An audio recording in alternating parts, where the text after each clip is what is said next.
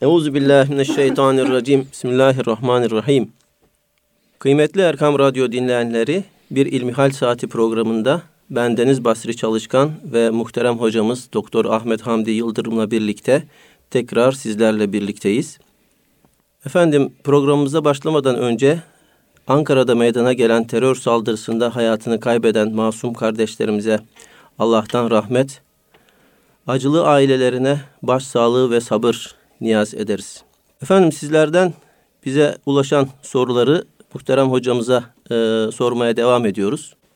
Hocam ilk sorumuz şu şekilde bize ulaşmış. Alacaklı olduğumuz kimseye zekat verilir mi? Elhamdülillahi Rabbil alemin ve salatu ve selamu ala Resulina Muhammedin ve ala alihi ve sahbihi ecmain. Zekat, dinimizin beş temel esasından birisi. Hz. Peygamber sallallahu aleyhi ve sellem Efendimiz, Buniyel İslamu ala hamsin, şehadete en la ilahe illallah ve enne Muhammeden Resulullah ve ikamis salah ve itaiz zekah ve savmi Ramazan ve haccil beyti limen istata'a ileyhi sebila buyurarak dinin beş şey üzerine kurulduğunu beyan buyurmuşlar. Birincisi Allah'tan başka ilah olmadığına, Hz. Muhammed Mustafa sallallahu aleyhi ve sellem Efendimizin Allah'ın kulu ve Resulü olduğuna tanıklık etmek, şehadet getirmek.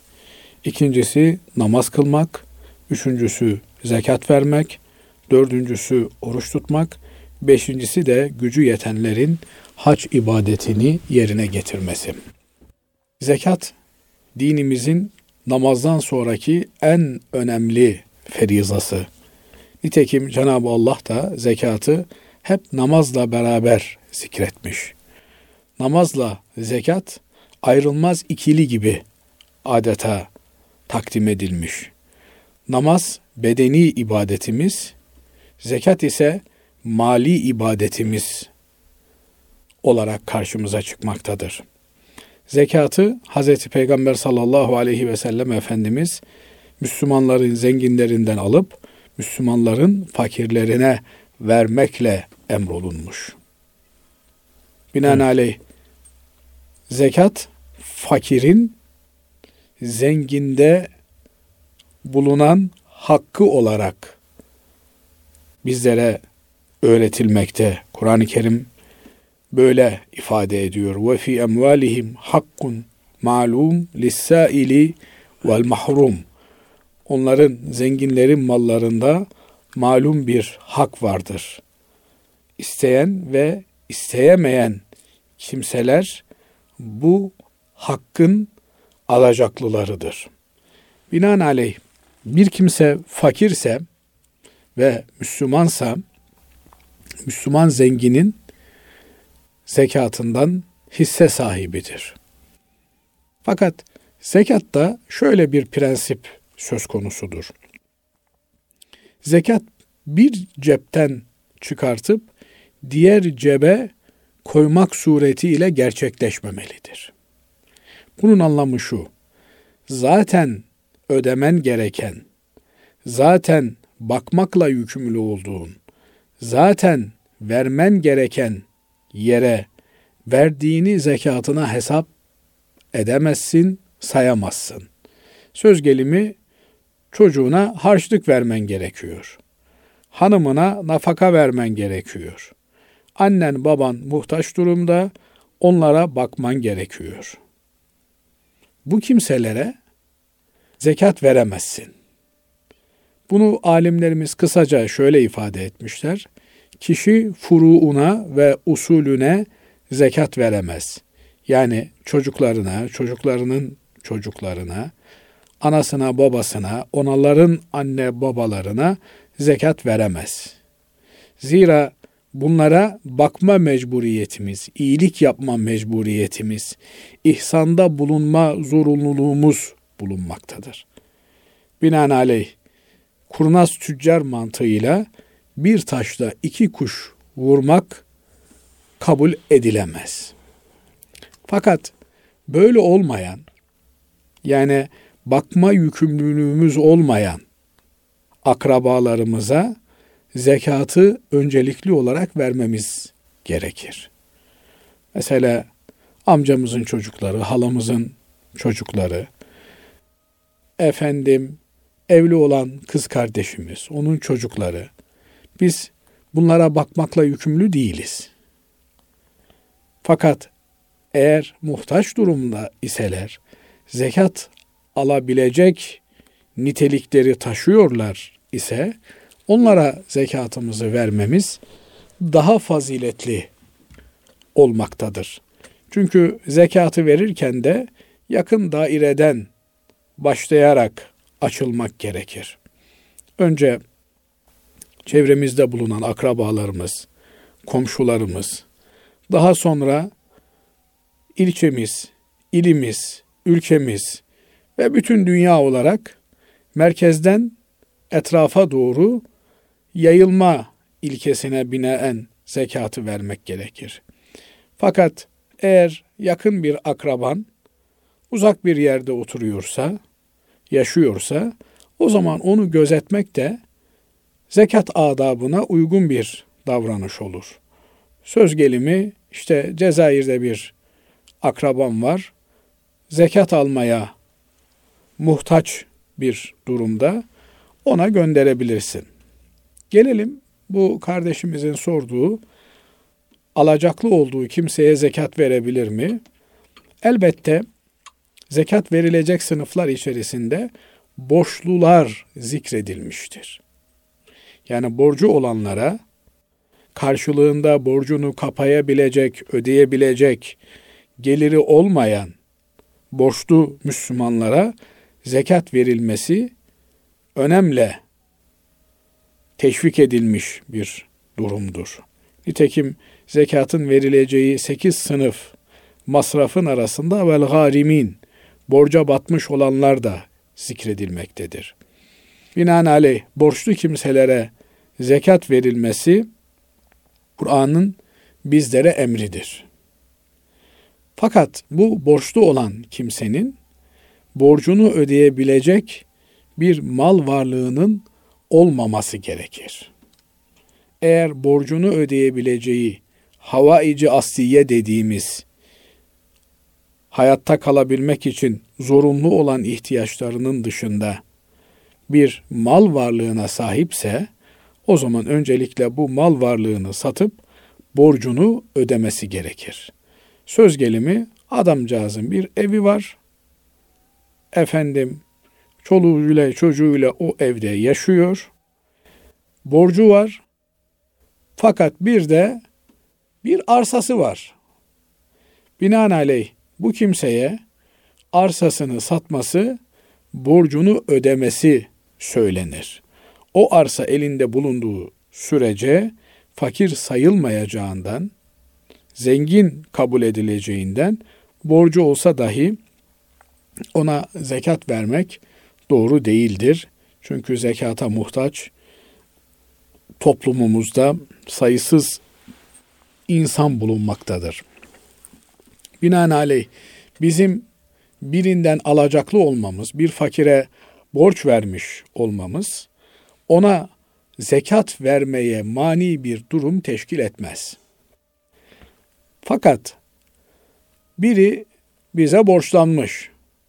Hakikaten de borcunu ödeyebilecek imkana sahip değil.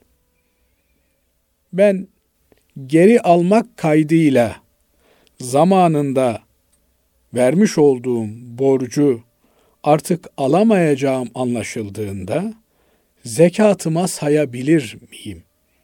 Meselesi de bu bağlamda gündeme gelebilir. Burada hocalarımızın, fakihlerimizin net bir cevabı var. Bu tür batık alacakları zekata sayma imkanı yoktur. Çünkü zekat bir ibadettir. İbadeti adetten, gelenekten, görenekten ayırt eden husus niyettir. Binaenaleyh zekat olarak verdiğimize niyet etmemiz gerekiyor. Ve bu niyetin eylemden önce olması gerekiyor. Mesela namazın şartlarından bir tanesi nedir diyoruz? Niyettir diyoruz. Şart ne demek? dışındaki farzları yani namaza girmeden önce niyet etmemiz gerekiyor. İşte sabah namazını kılacağım, öğle namazını kılacağım, öğle namazının farzını kılacağım. Namaza başladıktan sonra Fatiha'yı okudunuz. Eh ben bu namazı bari öğle namazının sünneti niyetine sayayım deme imkanımız yok. Binaenaleyh ibadete başlamadan önce o ibadete ilişkin niyetimizi güzel bir şekilde yapmamız gerekiyor. Zekatta da durum böyledir. Zekatı verirken bu zekatı zekat olarak verdiğimizi içimizden geçirmemiz, buna niyet etmemiz gerekir. Elbette bu niyetimizi ifşa etmemiz, muhatabımıza söylememiz gerekmiyor. Zira bazen rencide olması söz konusu olabiliyor. Muhatap al bu benim zekatımdır dediğinizde bundan rahatsız olabiliyor. Bunun yerine bana bir emanet di size tevdi ediyorum diyebilirsiniz. Hediye olarak takdim ediyorum diyebilirsiniz. Efendim onu rencide etmeyecek şekilde verirken en güzel bir üslup ve yöntemle verebilirsiniz. Ancak siz içinizden o verdiğinizin zekat olduğunu bilmeniz gerekiyor. Burada alimlerimiz şöyle bir kolaylıktan da bahsederler. Onu da değerli dinleyenlerimize aktarmak isterim. Mesela bir kimse zekat günü olan biliyorsunuz her Müslümanın hicri takvim üzerinden bir zekat günü vardır. O günün sabahında zekatını hesaplar, ne kadar zekat ödemesi gerekiyor ise onu bir zarfın içerisine koyar ve ayırır. Üzerine de zarfın zekat diye yazar. İşte bu tür üzerine zekat diye yazdığı zarftan sene boyunca kime verirse elbette verdiği bu kişilerin zekat alabilecek kişiler olması gerekir. Kime verirse bu artık zekat yerine geçer. Bunlar için ayrıca bu zekattır diye belirtmesine gerek yoktur. Fakat eğer böyle bir zarf içerisine zekat parasını koymamış, normal kasasından arada bir veriyorsa ki bu yanlıştır. Doğru olan zekat günü zekatı tespit ettikten sonra onu zekat diye ayırmaktır. Fakat ileriki yıllara ilişkin olarak zekat veriyorsa söz gelimi adamcağız 1437 yılının zekatını ödemiş ama 1438'den de zekat ödemeye başlamış ise her verdiğini zekat niyetiyle vermelidir. Binaenaleyh bir fakir ile muhatap oldu, derdini öğrendi, sıkıntısını öğrendi, söz gelimi bin lira verdi. Verirken bu benim 1438'e dair zekatımdan olsun diye niyet etti. İşine evine döndüğü zaman bunun notunu muhasebe defterine alır. Daha sonra 1438 yılı geldiğinde Allah hayat verir, ömür verir de yaşarsa zekatını hesaplar.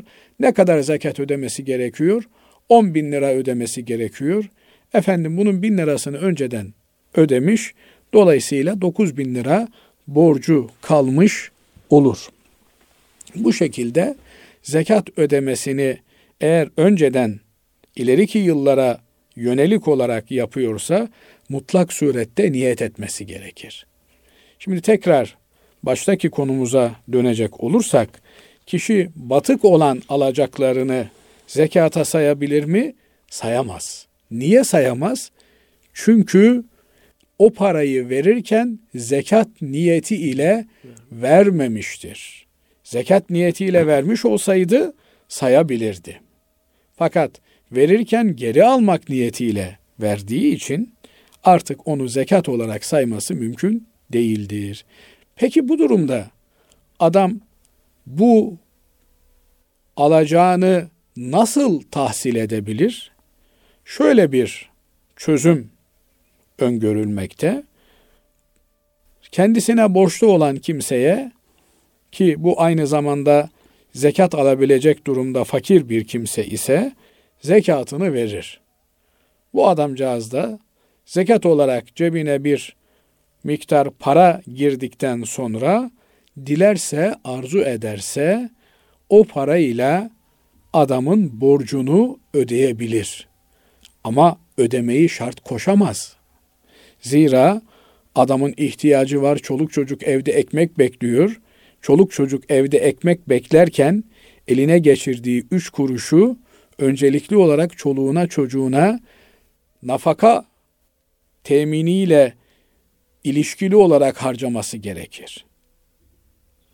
Binaenaleyh burada alacaklı olan kimse borcunu tahsil etmek için borçlusuna zekatını verir ama borçlu olan kimsenin daha ivedilikli, daha acil, daha öncelikli bir ödeme yapması gerekiyor ise oraya bu parayı ödeyebilir.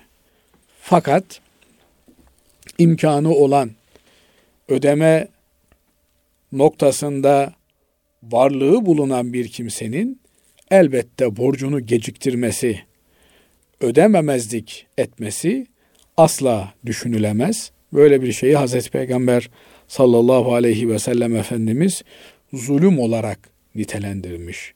Matlul ganiyyi zulmün. Binaenaleyh elinde imkanı olan bir kimsenin borcunu geciktirmesi, tehir etmesi zulümdür. Zulüm en büyük günahlardan bir tanesidir. Ama elinde imkanı yok. Kendisi zaten muhtaç bir durumda ise bu kimseyle ilgili yapılabilecek olan şey o borcu, o alacağı, alacaklı olan kimsenin bağışlaması, affetmesi, üzerine bir silgi çekmesidir. Böylelikle o bağışladığı için Yüce Allah'ın bağışlanmasına mazhar olabilecektir.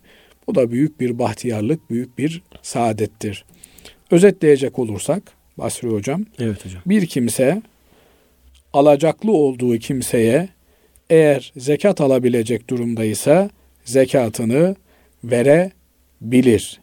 Zekatını verdiği bu kimse daha sonra ona borcunu ödemek isterse bu parayı borcunu ödemek için kullanabilir. Ama bir kimse batık olan alacaklarını zekata mahsup edemez. Evet. Allah razı olsun. Önemli bir soruydu. Ee, yine ikinci sorumuz e, günlük hayatımızda çokça karşılaştığımız e, bir konu. Müslüman bir ülkede nasıl kesildiğini bilmediğimiz etler hakkında e, dinimizin hükmü nedir? Şimdi Müslüman bir ülkeden bahsediyorsak, buradaki insanların Müslüman olduğunu biliyorsak, elbette Müslümanlarla yaptığımız alışverişte Müslümanların kestiği etin helal olduğuna itikad ederiz, kanaat ederiz. Binaenaleyh bu et helal kesim ile kesilmiştir der, besmeleyi çeker ve yeriz.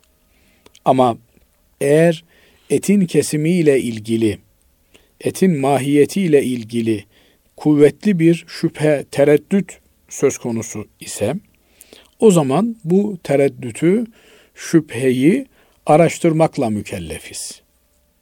Fakat böyle bir delile dayanmayan, bir karineye istinad etmeyen, mücerret olabilir de olmayabilir de türünden bir ihtimalle efendim Müslüman ülkesinde soruşturma yapmamız, bir misafirliğe gittik, orada bir et takdim edildi.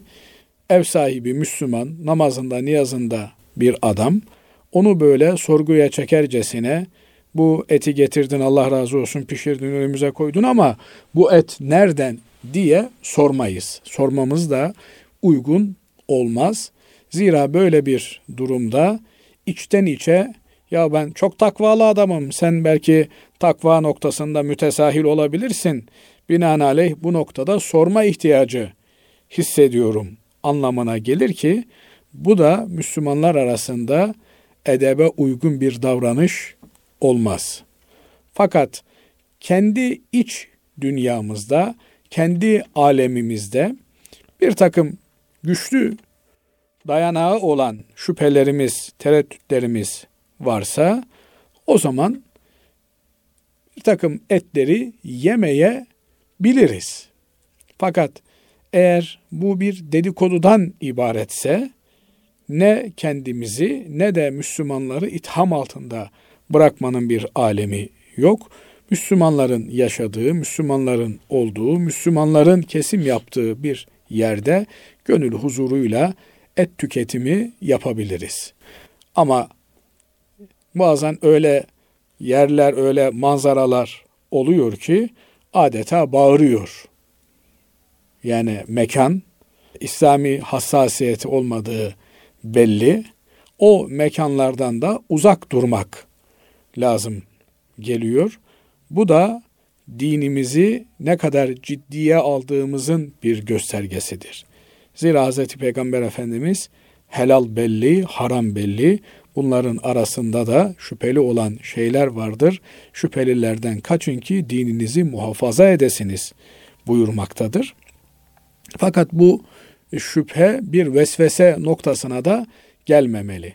Hakikaten yani bir mekanda eğer alkol tüketimi varsa onun etinden de ben şüphelenirim.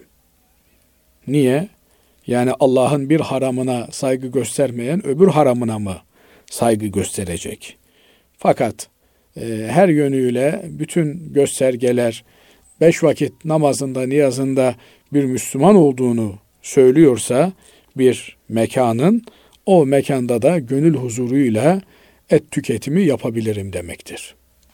Bize ulaşan üçüncü bir sorumuzu muhterem hocam Doktor Ahmet Hamdi Yıldırım'a e, şimdi sormak istiyorum. Hocam kabirlerde ağıt yakmak günah mıdır? Şeklinde bir soru ulaşmış. Evet.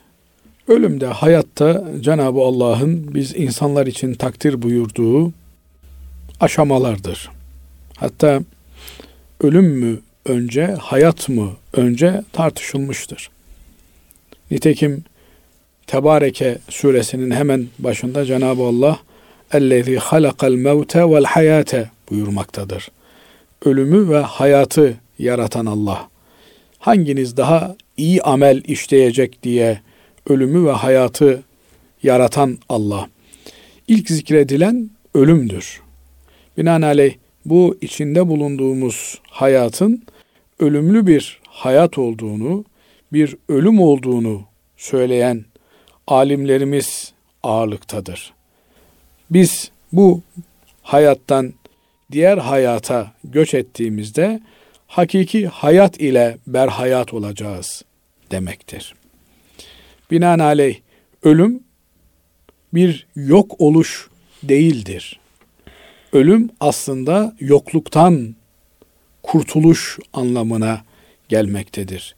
Çünkü içinde bulunduğumuz ve hayat olarak adlandırdığımız bu yaşantı birçok yokluğu beraberinde bulunduran, birçok sıkıntıyı, birçok ızdırabı yanında taşıyan bir hayattır.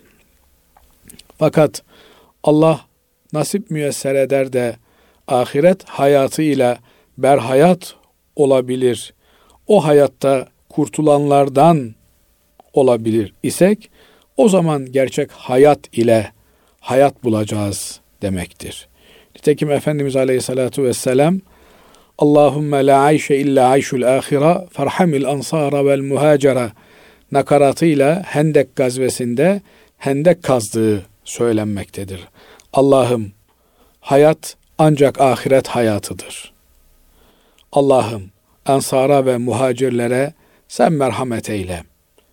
Demek ki bu dünya hayatı adı üstünde sıkıntılı bir hayattır. Dünya adi, alçak, pespaye anlamlarına da gelmektedir. Ama ahiret hayatı gerçek hayattır. Ayşeten mardiye. O gün razı olunan bir hayat Allah'ın lütfuyla bir takım kullara verilecektir.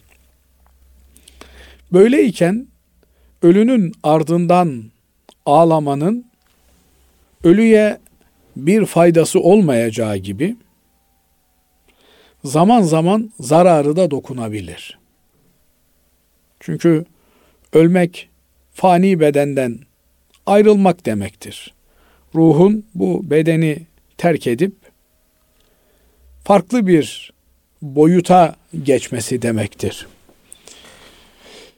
Beden üzerine ağlanılacak, ağıt yakılabilecek bir nesne değildir. Çünkü insan ruhuyla insandır.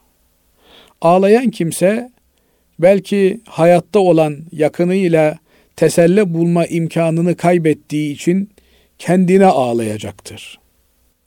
Ölüye ağlamanın bir faydası söz konusu değil. Efendimiz Aleyhisselatü Vesselam bir hadis-i şeriflerinde buyuruyor ki kabirde bulunanlar dostlarının, ailelerinin ağlamalarıyla azap görürler buyuruyor.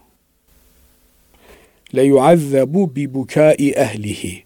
Ehlinin, çoluğunun, çocuğunun ağlamasıyla azap görür.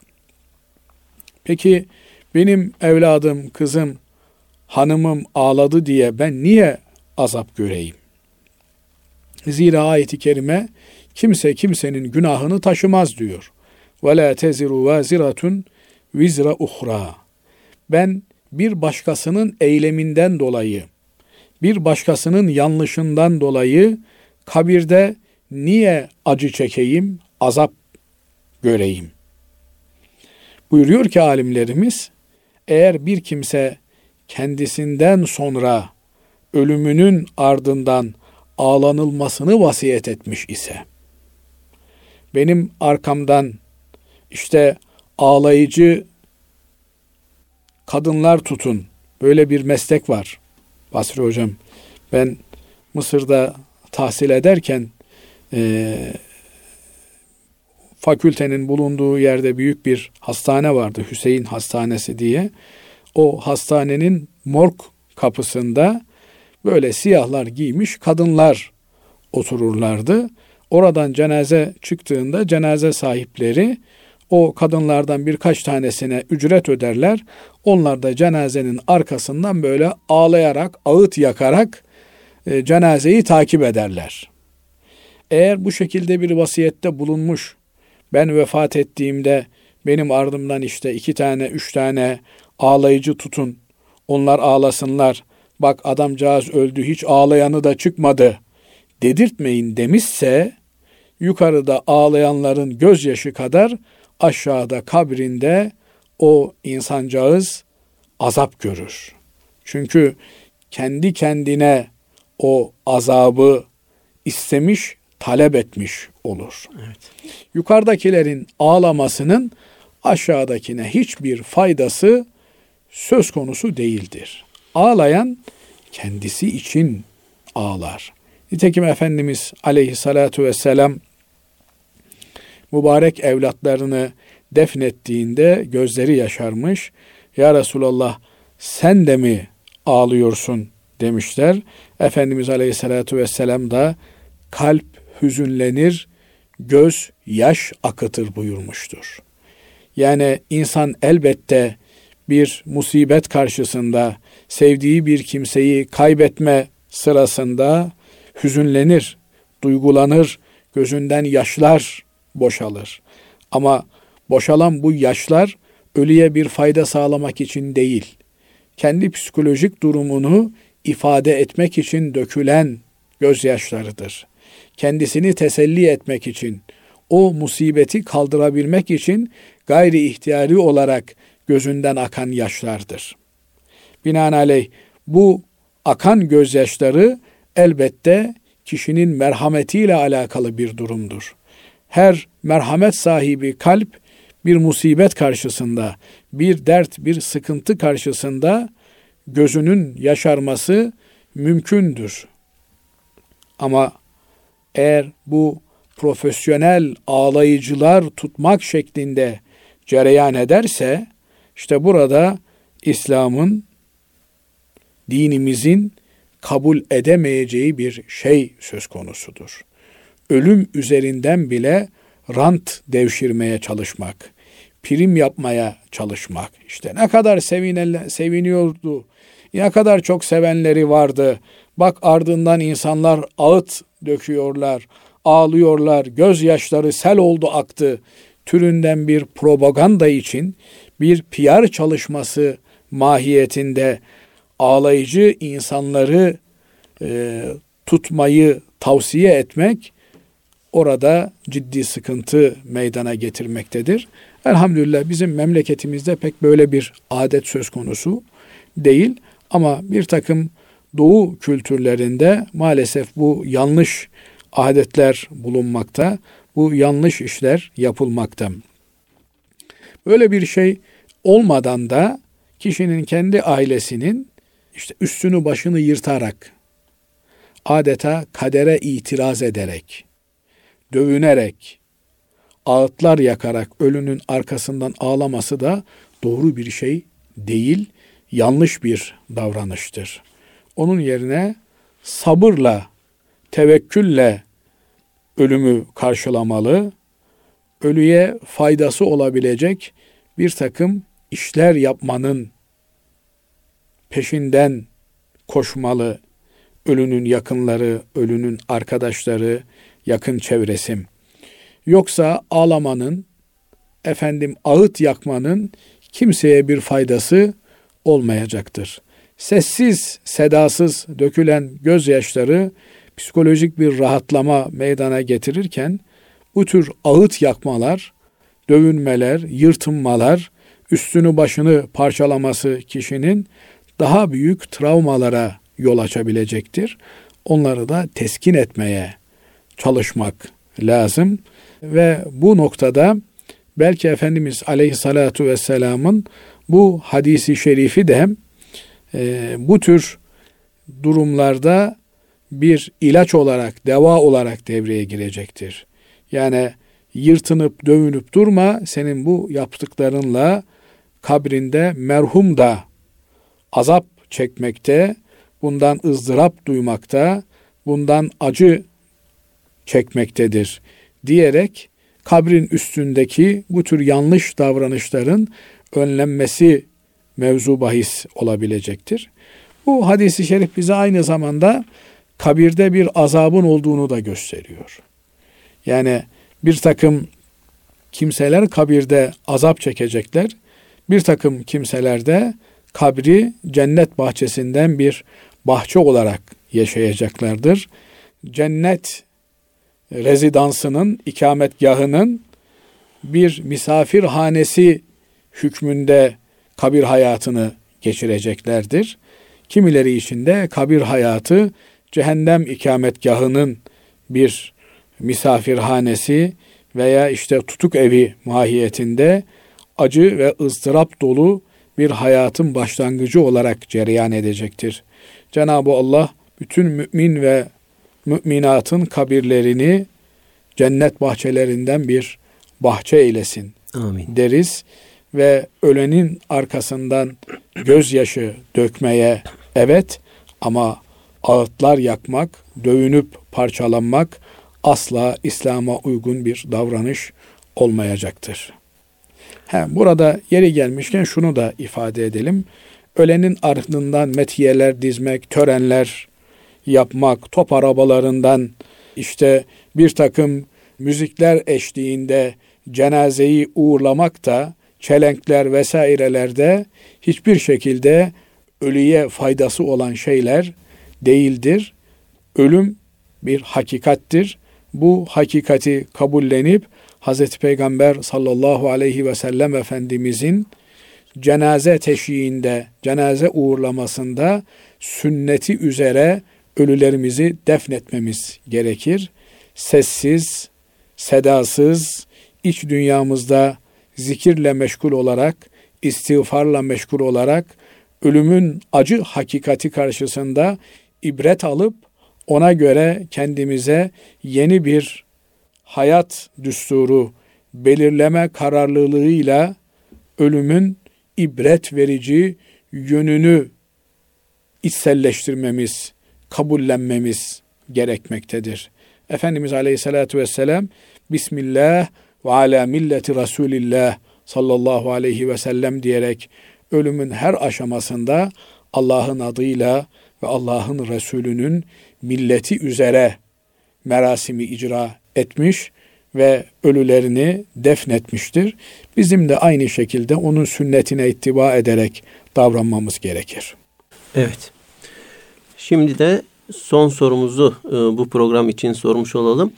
E, Mevlid okutmanın sevabı var mıdır diye sormuş dinleyenimiz. Şimdi Mevlüt okutmak, Kur'an okutmak, namaz kıldırtmak yani kendimiz yapmak değil de bir başkasına bir şeyi yaptırtmak meselesi farklı yönleriyle ele alınabilecek bir meseledir.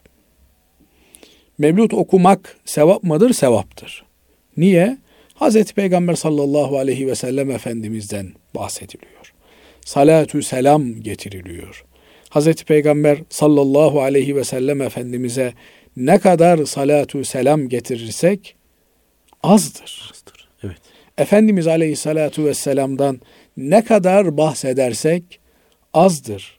Onun hayatını, onun şemailini, onun yüz hatlarını, onun yaşantısını, onun hayatının kesitlerini, ne bileyim onunla alakalı olan her şeyi bilmek, konuşmak, ondan bahsetmek güzeldir. Ama bir ücret mukabili Kur'an okutmak, mevlüt okutmak meselesine gelince bir takım ibadetlerin ücret karşılığı ifasını alimlerimiz doğru görmemişler. Caiz görmemişler. Çünkü ibadetin ibadet olabilmesi için Allah için yapılıyor olması lazım gelir. Kur'an bir ibadettir. Kur'an okumak bir ibadettir. Bu ibadetin Allah rızası için yapılıyor olması lazım gelir. Efendimiz aleyhissalatu vesselama salatu selam getirmek bir ibadettir. Nitekim Kur'an-ı Kerim bunu bize emrediyor. Ey iman edenler! Allah ve melekleri peygambere salat ve selam ederler. Siz de ona salat ve selam ediniz. Aleyhissalatu vesselam. Binaenaleyh Kur'an'ın emrini yerine getirmek bir ibadettir. Bu ibadeti yapmaktan bir insan sevap kazanır. Ama ücretle bunu yaptırmaya sıra gelince ücret için mi yapıldı, Allah için mi yapıldı? Burada ciddi bir sıkıntı söz konusudur. Allah asla kendisine şirk koşulmasını kabul etmez. Allah için yapılan bir ibadete başka dünyalık bir menfaatin karıştırılması asla kabul edilemez. Binaenaleyh burada bir niyet tasihine, düzeltmesine gitmek gerekir.